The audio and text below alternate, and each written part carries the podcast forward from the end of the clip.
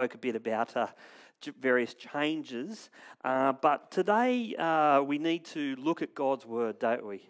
And we need to ask the question what should our church look like this year and beyond? Now, I'm not talking about going down to the land in a, a few moments' time and going, gee, wouldn't it be lovely if the building had this facade or that facade? No, I'm talking about what should our church focus on? What should our fo- church focus on? See, do you see church maybe as one guy up the front who sort of basically tells you what to do. And there's a sort of hierarchical structure where, you know, he's got a, a, a connection to God, and there, then it's filtered down through uh, various church offices to the, to the minister, and then it all of a sudden goes to the people. Is that your idea of church? Or for you, is church the people? The New Testament speaks of the church as a body, doesn't it? A body of people coming together where all people are important. They're important for building God's kingdom. Important because we are all on a journey with Jesus, aren't we? We're all moving along in our relationship with Jesus, no matter if we've just started saying, Oh, I'm going to come along to church, or we've been to church for 20, 30, 40 years, or have been a long term minister like Alan has. We are all on a journey. Now, in life, I've often found that things are done best as a group, best done in teams. Now, at work, I worked in teams. I was in IT before I came into ministry. IT is heavily focused on teamwork. And then also, I've played lots of team sports when I was younger. And it's amazing a team is successful when they focus on a common goal and they want to achieve it as one. We see this all the time, don't we? If we uh, are sports fanatics, the sports teams that seem to win are the ones that work together to a common goal. They don't have the one superstar that does everything. They work together for a common goal.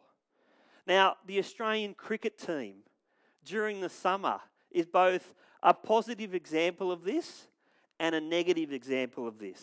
And maybe last night it's come positive again. But anyway, um, what what happened during the summer? Well, if you're a cricket fan, you know straight away that our test match cricket was against England. It was the Ashes, and we smashed the Poms. We smashed them. Our batting was great, our bowling was great, our fielding was great. And then we went to this strange form of ancient cricket called one dayers. What happened there? Well, it was the reverse. The English thumped us 4 1, and that one was just, I think they were a bit sick and tired of thrashing us every single other, other time they played, so they had an off night. But our test team, they focused, they were ready, they knew what to do. Our one day team, well, they were off with the Pixies. But you see, if a team is focused, if it knows its purpose, if it's trying to achieve a goal, usually it's successful. Now, what's the church? Well, I believe it's God's people working together to achieve a common goal. And we are a team we're the team that meets in Marsden Park. And we have Jesus, who is our captain, our coach, our selector, our manager, our king and savior. And he has brought us together as a community. A community of people who want to love and serve Jesus, but also each other and those around us who are yet to come to church. See, we are people who should desire to go to people and invite others in our community so that they will hear the good news of Jesus. We are also growing spiritually and numerically as we honor, serve, and glorify King Jesus. So, as we come to our Colossians passage today, we see that the Apostle Paul is praying for a group of people who have come together as one team under Jesus.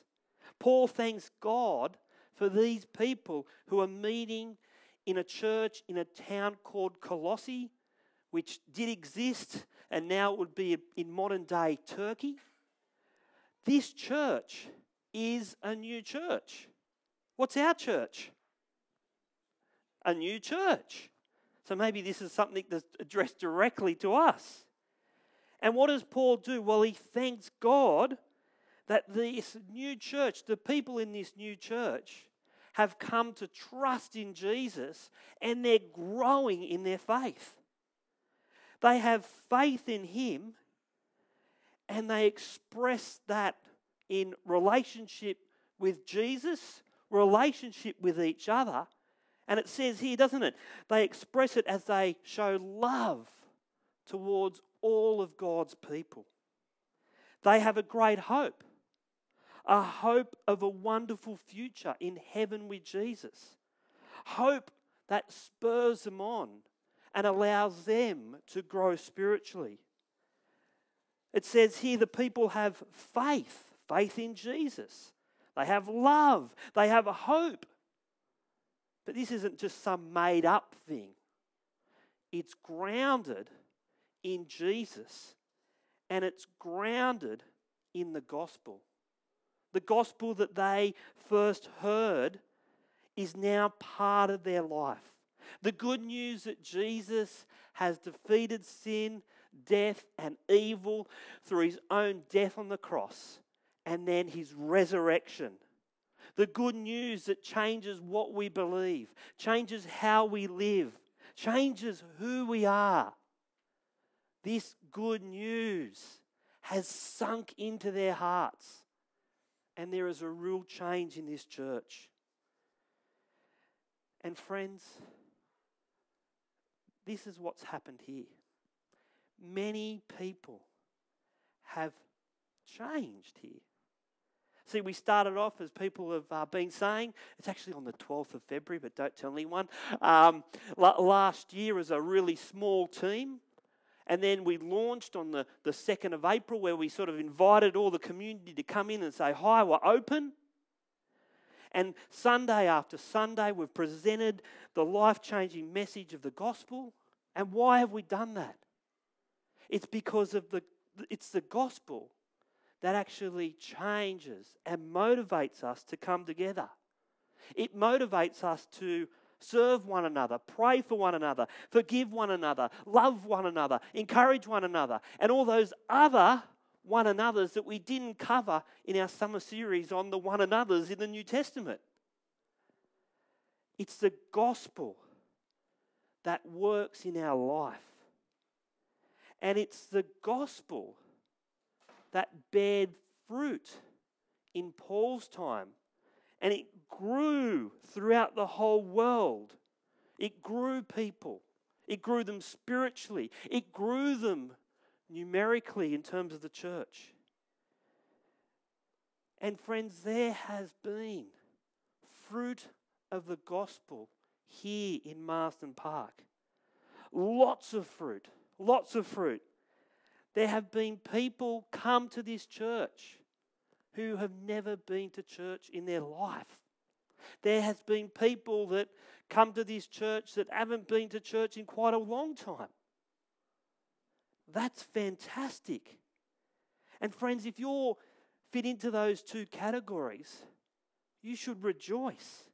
You should rejoice that you are meeting up with other people that trust in Jesus and hearing about the good news of Him each week. You should rejoice that you've made new friends. You should rejoice and continue in your walk, walk, uh, walk with Jesus. walk with Jesus.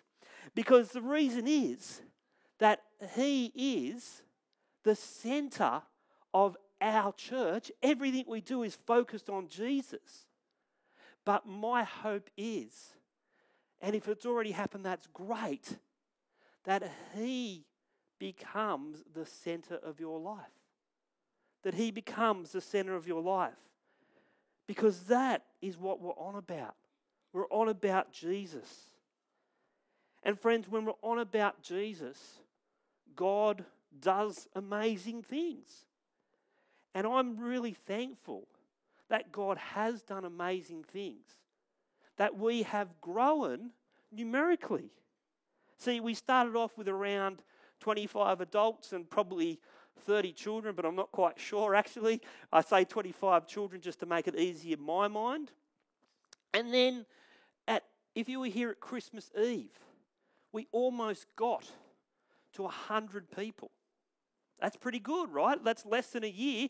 And then our basically our average sort of attendance for, for a while now has been between uh, 40 adults and 30 children. We haven't even reached a year yet. God has done this. He has done something amazing. But the other thing is, it's not just people that meet in this church. The other exciting thing is that we've made hundreds of contacts in our community. We've done it through people talking to their neighbours, people talking to families that come to the school, people knocking on doors in our neighbourhood. We literally have hundreds of people that we have come in contact with. Hundreds of people who now know that there is a Jesus centered church that meets here every Sunday. See, friends, we need to be a church that is always reaching out and going into our community. We can't sit here and hope that new people come. Sometimes they do, but that's not what we're focused on. See, I want us this year to do more outreach. I want us to do more door knocking. I want us to think of creative ideas on how we can reach more people for Jesus in this area. Now, some of the life groups have done a fantastic job last year in doing this. I know of a, couple that have uh, gone to just their local park with the idea of connecting with families that come to that local park. Local parks in a new suburb are quite a hub of people, and it's a great opportunity just to connect to somebody in your local area that you may not meet. I've, I've spoken to a guy who was in the Marsden Park for, for three weeks, and uh, he comes from a Catholic background. I'm not going to say a Catholic church because he, I don't think he's been to church in a very long period of time. But he's, uh, he's from a, I, India, and I, I explained to him, he asked me questions like, What's an Anglican church? Because people don't know what an Anglican church is. And I was able to tell him about Jesus, basically. And that's just a conversation of talking to a guy in a park. There's opportunities aplenty. Uh, what else? Well, people have been inviting others to church. People have been simply getting to know their neighbours. Even if you're a an introverted computer nerd, I've got something for you. See, in our negotiations with the school, they've, uh, they've, they've allowed us to use this space during the school holiday period. What an opportunity. Uh, in January, uh, Riverstone Church, they put on a, a coding workshop for uh, people in the community. And I know some of us here came along to that, and some of us even invited friends along to that that hadn't been to church before. And there was quite a few people in, from the community that came along. And it was really simple to set up. And it was really simple to talk to families because we were all standing around not knowing what to do with this, you know, scratch program, but the kids knew a lot more than what we did. Um, so there's opportunities for us to do those sort of things in the school holiday periods where we can reach out to more families in Marsden Park. What else? Well, friends, we need to share the new life of Jesus with people in our community. We need to do this in new and creative ways because what we want is to see the gospel bearing more fruit and growing here in Marsden Park. And I hope you would be a part of that this year. Now, the other thing is obviously connecting with people, evangelizing people, doing mission is really important. But we also want those who have come to trust in Jesus to grow spiritually. And if you uh, look at, looked at your Bibles when uh, Cindy was reading, if you look at verses 9 to 10, that is what Paul continually prays for the Colossians, doesn't he? What does he say? He says, We continually ask God to fill you with the knowledge of his will through all wisdom and understanding that the Spirit gives so that you may live a life worthy of the Lord and please Him in every way, bearing fruit in every good work, growing in the knowledge of God. Paul prays for the Colossian Christians that they will be filled with the knowledge of God. Now, to be filled with the knowledge of God means to be filled with understanding of Jesus understanding of Jesus that comes from the gospel. See, as we see Jesus more clearly and his purposes for the world, then we will be filled with the knowledge of the will of God. We will understand what Jesus wants us to do. We'll live lives worthy of Him. We'll please Him in every way. And we'll bear fruit in what we do as we grow spiritually for Jesus. Now, friends, we certainly can grow here Sunday by Sunday at church. But if you want to supercharge your spiritual growth, may I encourage you to join a life group. Life groups are fantastic. And they're the main thing that we do outside of Sunday. And why do we do it? Well, we want to supercharge people's spiritual growth. No matter if you've just started off in the Christian life, no matter if you've been a Christian as long as Alan has, we want you to attend a growth group, or, sorry, a life group, so that you can supercharge your spiritual growth. Now, if you've got your bulletins there, I put a little blurb on the back that says, We'd love for as many people as possible in our church to join a life group this year. Outside our Sunday worship gatherings, life groups are the main things we do. We gather with our friends and community to live life together and experience the gospel in ways we can't do on our own. We're convinced that we've been created in God's image for relationship in life giving gospel centered community. And we have a high view of caring for each other. However, we don't want to be insular and neglect our call to see people come to love and know Jesus. Life groups are the spiritual engine room of our church. See, in a life group, you get to know people better in community and you get to strengthen each other. And Paul actually talks about that in his prayer, doesn't he? If you look at verse 11 there, being strengthened with all power according to his glorious might, so that you may have great endurance and patience and giving joyful thanks to the Father. While it's primarily God who actually strengthens people spiritually, it's a work of God, it's a work of the Holy Spirit. He doesn't leave us stranded on our own. He gives us other people. He gives us other people to support us. And a life group fits that category. See, we need to have great endurance. Why? Because the Christian life can be hard. It can be hard. See, as soon as you're a person who comes to know and trust in Jesus, you know what happens? Satan is right there saying, Don't follow him, don't follow him, don't follow him. You need other Christian brothers and sisters there to support you. But also, we live in a growing secular society, don't we? And people in this church are going to find themselves in difficult situations because of their beliefs. Some people might actually choose not to associate with you because you trust in Jesus. And that might come in any sphere of life. For some, it's already happened, you know, in their families. But if you go to a new workplace and maybe say, Look, I'm a Christian, unless you're at a Christian school, you're probably all right there. But uh, some of us aren't in Christian schools.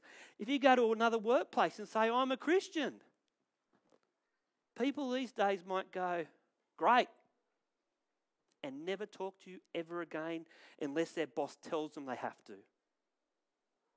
That's what society we live in.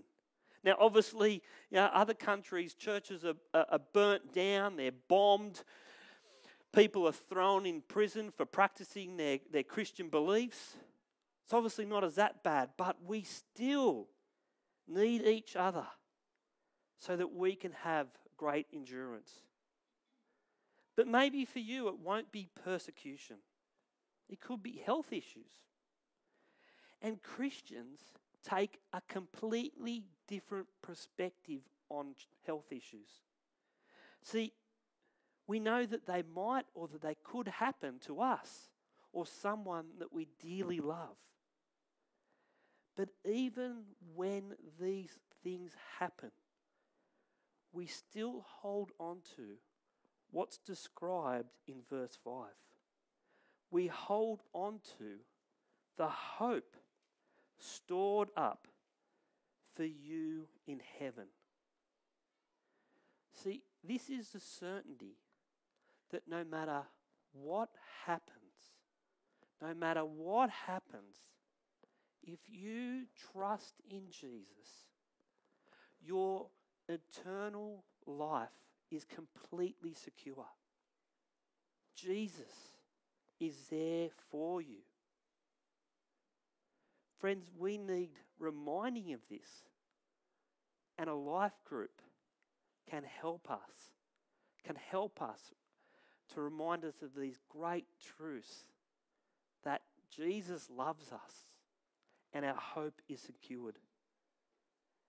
We need support as we endure this life, as we patiently wait for heaven, as we are joyful even when things aren't going our ways. We need support, and a life group is a fantastic way of getting that support. Sure, we look after each other here at church, but again, the depth of relationship happens in a life group. And what we want here at our church here at Marsden Park is that our life groups hold to certain values or do certain things. Uh, we want our life groups to be places of prayer where we're dependent on God to transform hearts and grow as followers of Jesus. We want our life groups to be places where people are growing in God's Word, that we love God's Word, that we read and discuss God's Word together, and that motivates us to continue to do it during the week. We want our life groups to be places where fellowship is key, where we come together over food. I love food, right? You know, the food's great. That's why we're having burgers after this. No, um, food, food, but also enjoying each other's company and sharing those hard things together. We want our life groups to be places where we're connecting. So we're thinking about mission locally, and our group is maybe coming up with an activity that we can reach out to our community. Spoke about just going over to parks, but maybe in your group there's a person that can you know, cook up a storm. Maybe it's a chance where they can cook up a storm and you can invite your friends along, and maybe you've got somebody in your group that's uh, got the gift of the gab and they can talk to people like there's no tomorrow about Jesus. So you could do the food, they could do the Jesus. But together, a life group doing mission together. Pastoral care, really important. Yes, we love and care for each other here at church. But life groups are key to that intimate loving and caring for each other. The other thing a life group can do is a life group knows that the person down the road has had an illness of something and they're struggling. A life group can get together and provide meals for that family. Friends, we want life groups to be places of prayer, that they grow in God's word, that they fellowship, that they connect, and that they care for each other and others outside. Well, they're the values. What's happening with life groups this year at Marsden Park? Probably a blurry slide. It's okay, I'll speak to it. So, when and where are the life groups happening? Uh, well, this year, uh, like last year, the Cooks have their 7:30 group on Monday night at their place in Kings Langley. So that has lots of different people from different Life Anglican congregations there. On Tuesday night, we have a new group which is going to meet at 8 p.m. at Don and Sonali's house in the Elara estate. So, Don and Sonali, you want to put your hands up just in case people don't know who they are. Um, Alan will be also uh, leading the Bible study in that group. Uh, on Wednesday mornings, especially for women that uh, have the time, they're not working maybe then, uh, we have uh, Women's Focus. And there are a number of uh, ladies at this congregation that go to Women's Focus. It's on at Quakers Hill. Lily leads a group. That's still happening. Yes, she's smiling. Um, and also, Rachel will lead a group as well. And there's lots of other ladies that go along to that, and that's a fantastic time. And then on Wednesday nights, there's a group at Doug and Tanya's place, 7.30 at Colebee.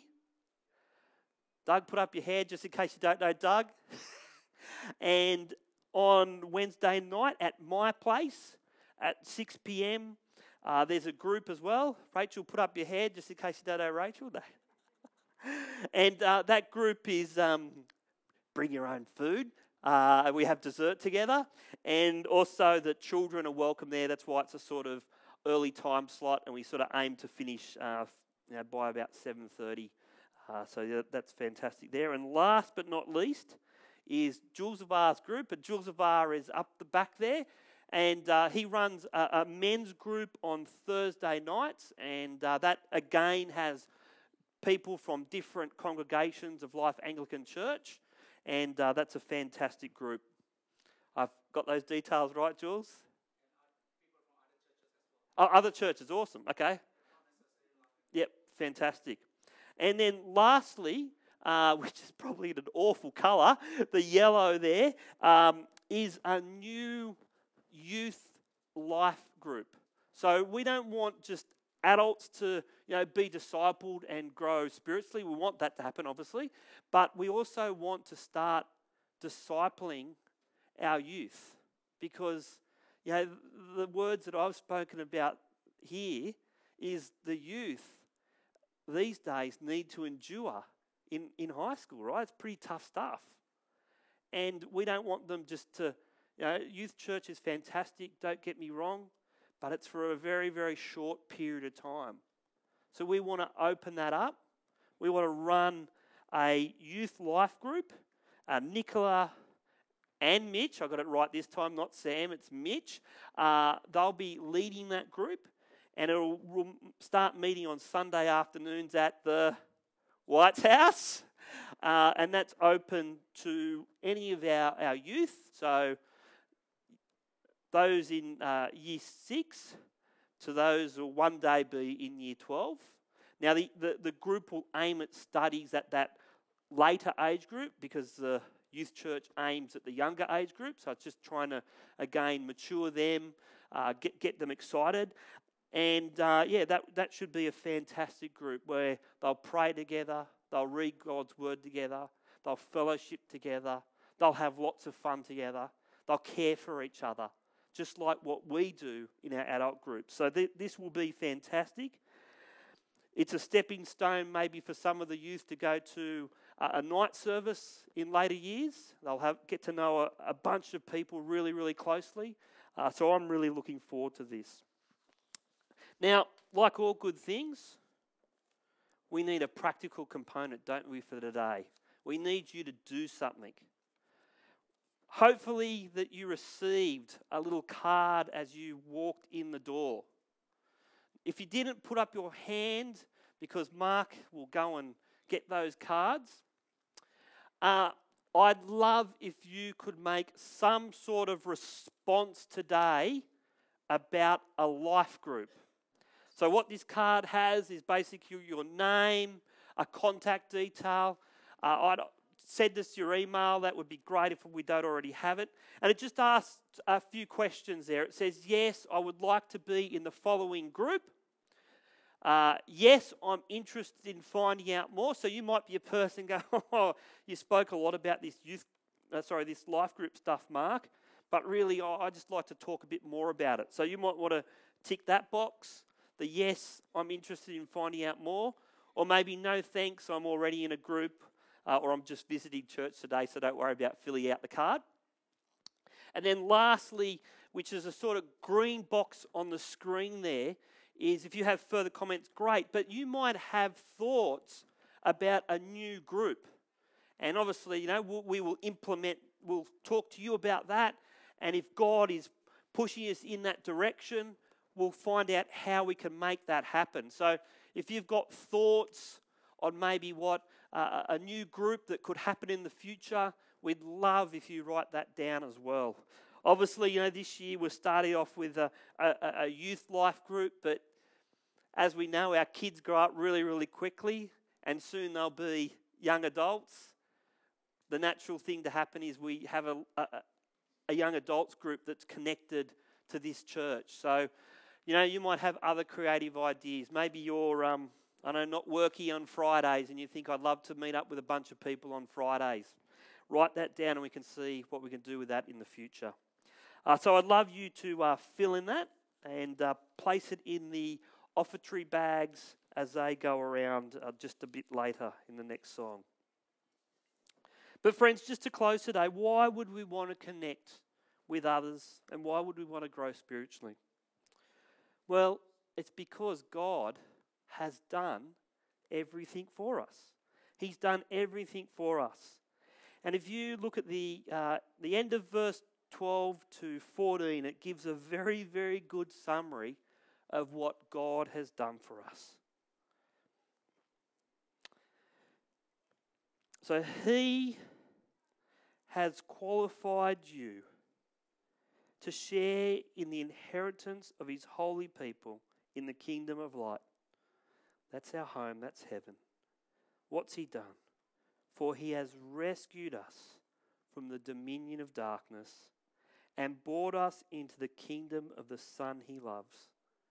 There's been a transfer that's happened. Once in darkness, now in light.